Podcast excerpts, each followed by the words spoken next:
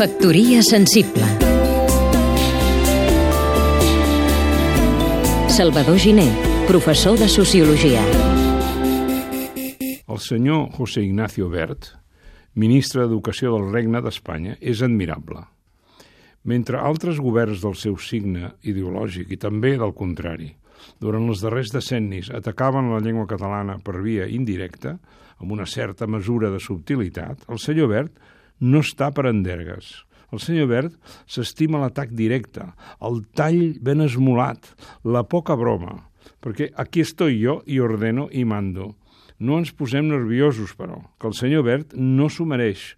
La seva franquesa és d'agrair. Si més no, ens ajuda a aclarir les idees, a saber on som i el que, com a poble, com a ciutadans, hem de fer.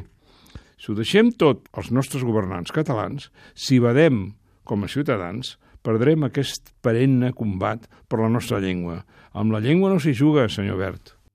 Factoria sensible